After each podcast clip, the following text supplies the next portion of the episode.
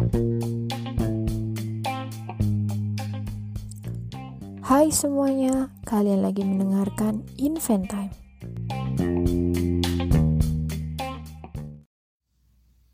Halo teman-teman semua, kali ini kita akan mereview KTI yang diikutkan dalam Lomba Karya Tulis Ilmiah Tingkat Nasional Win Fair 2019. KTI yang dibuat oleh tiga orang mahasiswa Fakultas Hukum Universitas Brawijaya ini berjudul Reformulasi Sistem Pemberantasan Korupsi Sektor Privat melalui Integrated Law Enforcement Concept sebagai upaya penguatan good and clean governance di era revolusi industri 4.0. Good and clean governance merupakan isu yang hangat untuk didiskusikan saat ini, bersamaan dengan munculnya berbagai permasalahan ekonomi, sosial, dan politik yang dihadapi bangsa Indonesia. Salah satu permasalahan yang menjadi bahaya laten bagi bangsa Indonesia adalah korupsi.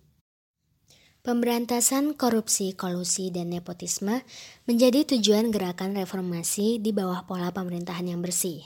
Namun, belum mampu dilaksanakan sesuai harapan masyarakat. Pengaturan terkait pemberantasan korupsi di Indonesia telah berlangsung sejak tahun 1960-an dan telah berganti undang-undang sebanyak empat kali dan terakhir dengan Undang-Undang Nomor 20 Tahun 2001.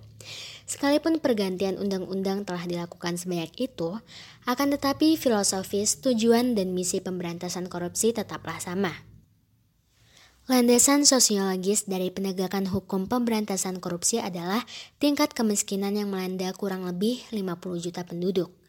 Menurut hasil kajian Indonesian Corruption Watch yang dirilis pada Minggu 28 April 2019 menerangkan bahwa kerugian negara akibat korupsi pada tahun 2018 mencapai 9,29 triliun rupiah. Namun, yang luput dari perhatian, korupsi tidak hanya terjadi di sektor publik dan merugikan keuangan negara, namun bisa juga terjadi di sektor privat. Korupsi yang terjadi di sektor privat ini belum diatur secara komprehensif di dalam hukum positif Indonesia. Meski secara internasional telah disepakati dalam United Nations Conventions Against Corruption yang kemudian diratifikasi melalui Undang-Undang Nomor 7 Tahun 2006. Kasus suap di sektor privat banyak terjadi di masyarakat, seperti laporan investigasi majalah Tempo edisi 2 November 2015 dengan judul Jejak Suap Resep Dokter. Laporan tersebut merupakan pemberitaan tentang dugaan kasus penyuapan yang dilakukan PT Interbat kepada dokter-dokter di berbagai rumah sakit, baik privat maupun pemerintah.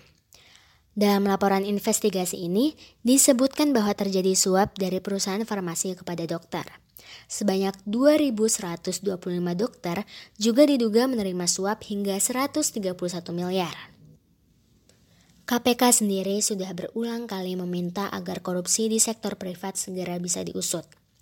Usulan revisi UU Tindak Pidana Korupsi hingga dibuatnya Perpu Pemberantasan Korupsi telah dilemparkan KPK. Namun, belum ada tindakan yang nyata hingga saat ini. Di era revolusi industri 4.0 dengan kemajuan sektor industri dan perdagangan, tentunya menimbulkan maraknya praktik-praktik KKN di sektor privat. Penyuapan di sektor privat merupakan bagian dari korupsi di sektor privat yang lahir sebagai reaksi dari pertumbuhan ekonomi. Dalam Global Corruption Report yang dikeluarkan oleh Transparency International, tergambar resiko terjadinya korupsi yang tersebar dalam setiap kegiatan korporasi, dan resiko atas penyuapan di sektor privat terjadi dalam hubungannya dengan supplier dan konsumen. Perilaku ini terkadang dipandang sebagai perilaku yang biasa dan ditolerir atau bahkan dilegalkan oleh korporasi, seperti perilaku pemberian gratifikasi oleh perusahaan farmasi bagi para dokter sebagai insentif atas pemberian resep dokter. Tentunya, hal tersebut akan membebani konsumen. Menurut data KPK, pelaku dari sektor privat tercatat menjadi yang tertinggi, Sepanjang tahun 2004 hingga 2017, terdapat 183 orang pelaku dari sektor privat yang ditangkap oleh KPK karena terlibat suap serta korupsi dengan lembaga eksekutif dan legislatif. Rekomendasi model pemberantasan korupsi sektor privat di Indonesia adalah dengan Integrated Law Enforcement Concept sebagai gagasan para penulis untuk mengisi kekosongan hukum tersebut dilaksanakan dalam tiga langkah yang terintegrasi. Pertama, mengharmonisasikan peraturan perundang-undangan terkait korupsi. Perlu adanya pengaturan secara tegas dalam UU Tipikor sehingga tidak hanya tipikor yang dilakukan oleh pejabat publik saja, tetapi juga dalam sektor privat. Perlu adanya pula rancangan perubahan UU Tipikor yang saat ini telah berusia 18 tahun dengan memasukkan ketentuan terkait korupsi sektor privat sebagai langkah menyelaraskan pada dinamika perubahan yang terjadi. Kedua, memberikan kewenangan kepada KPK untuk memasuki sektor privat. Perlu untuk dilakukan juga harmonisasi UU KPK dengan UNCAC sehingga KPK memiliki kewenangan untuk memberantas korupsi di sektor privat. Hal tersebut dikarenakan agar segala proses penegakan dan pemberantasan tipikor di Indonesia baik publik maupun privat hanya melalui satu pintu saja yaitu KPK. Dalam optimalisasi KPK, tentunya harus dibuat suatu program yang kompatibel dengan hukum di Indonesia. Contohnya CPIB di Singapura yang menindak tegas pemberantasan korupsi di sektor publik dan privat. Berkaca pada praktik pemberantasan korupsi di Singapura melalui CPIB, dalam upaya optimalisasi peran KPK dalam pemberantasan korupsi, perlu adanya perluasan kewenangan untuk memberantas korupsi di sektor privat di Indonesia. Ketiga, dalam penegakan formilnya, dibutuhkan penambahan kewenangan absolut pengadilan tipikor untuk memeriksa, mengadili, dan memutus kasus, kasus korupsi sektor privat. Dengan dilakukannya harmonisasi UU Tipikor dengan UNCAC yang telah diratifikasi melalui Undang-Undang Nomor 7 Tahun 2006, maka Tipikor tidak hanya yang dilakukan oleh sektor publik saja, tetapi juga yang dilakukan oleh sektor privat.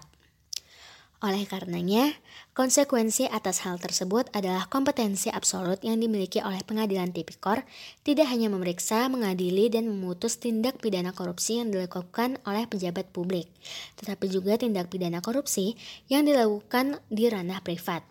Hal ini sebagai langkah formulasi Hal ini sebagai langkah reformulasi penegakan dan pemberantasan korupsi sektor privat di Indonesia. Karena itu, para penulis menyarankan bagi pemerintah bersama Dewan Perwakilan Rakyat Indonesia diharapkan agar segera membahas rancangan perubahan Undang-Undang Tindak Pidana Korupsi. KPK yang selama ini tidak memasukkan ketentuan terkait korupsi di sektor privat.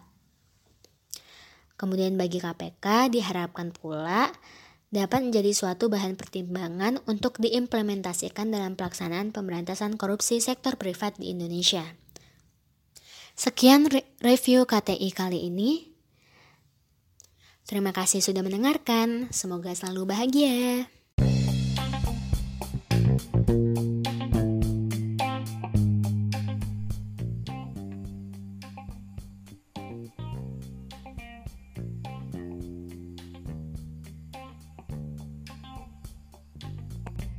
you